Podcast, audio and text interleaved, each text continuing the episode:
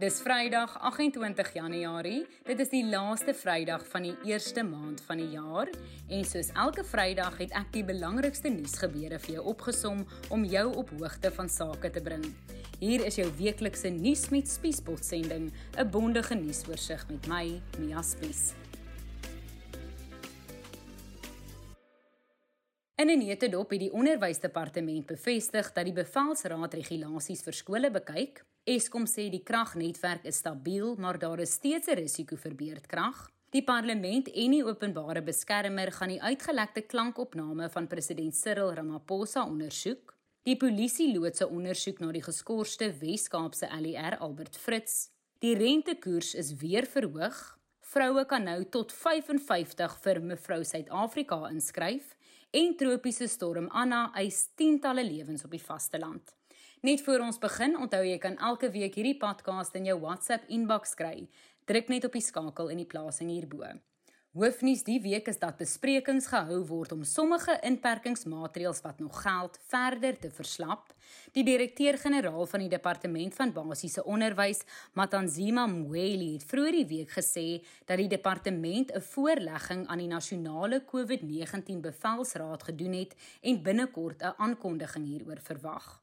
Our presentation was made last Thursday to the NWC and NAT joints, uh, which is a forum of director generals. Uh, the proposal for returning all learners, which is supported by the Ministerial Advisory Committee, has been well received by both NAT joints and the NWC. We are waiting for cabinet to pronounce.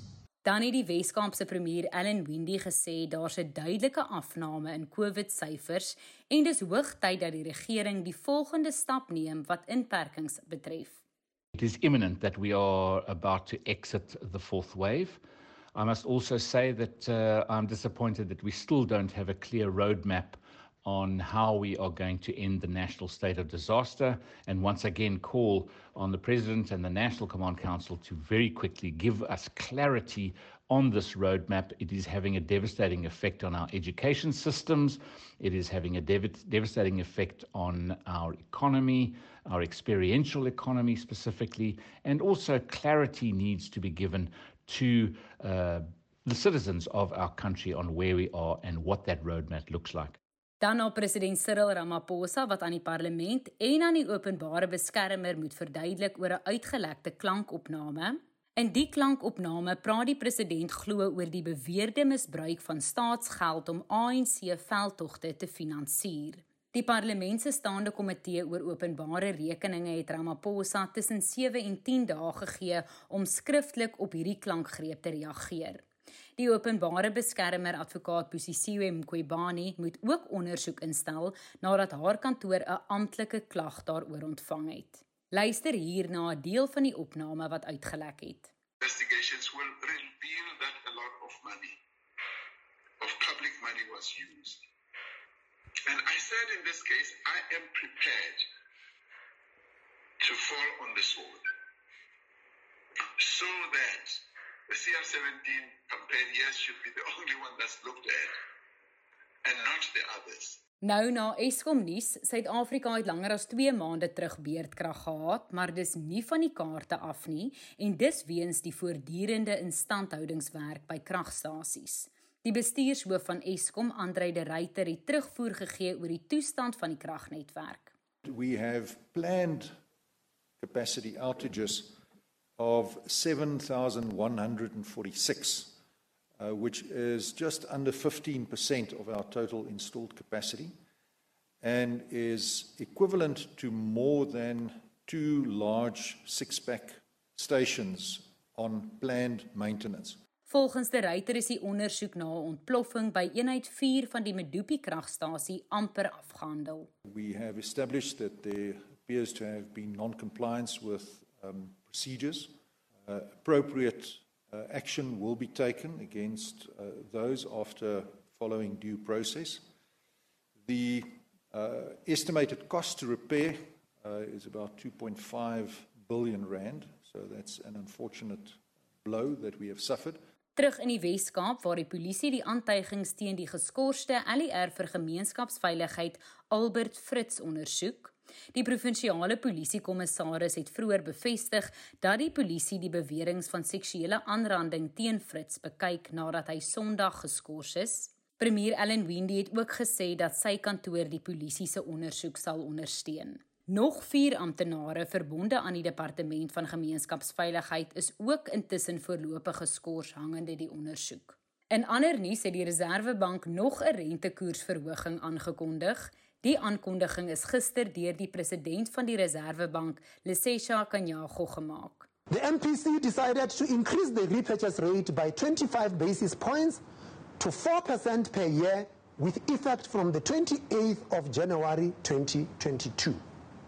Four members of the committee preferred an increase and one member preferred an unchanged stance.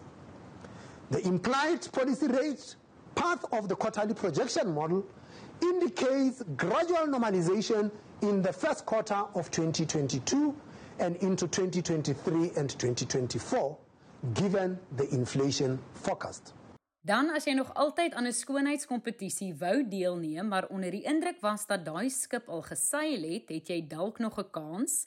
Die Mevrou Suid-Afrika kompetisie het die ouderdomsperk vir deelnemers na 55 verhoog.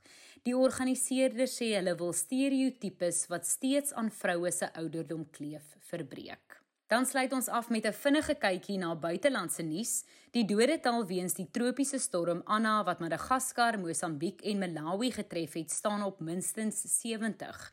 Die storm het vroeër die week swaar reën en oorstromings veroorsaak wat grootskaalse verwoesting gesaai het en duisende mense geraak het.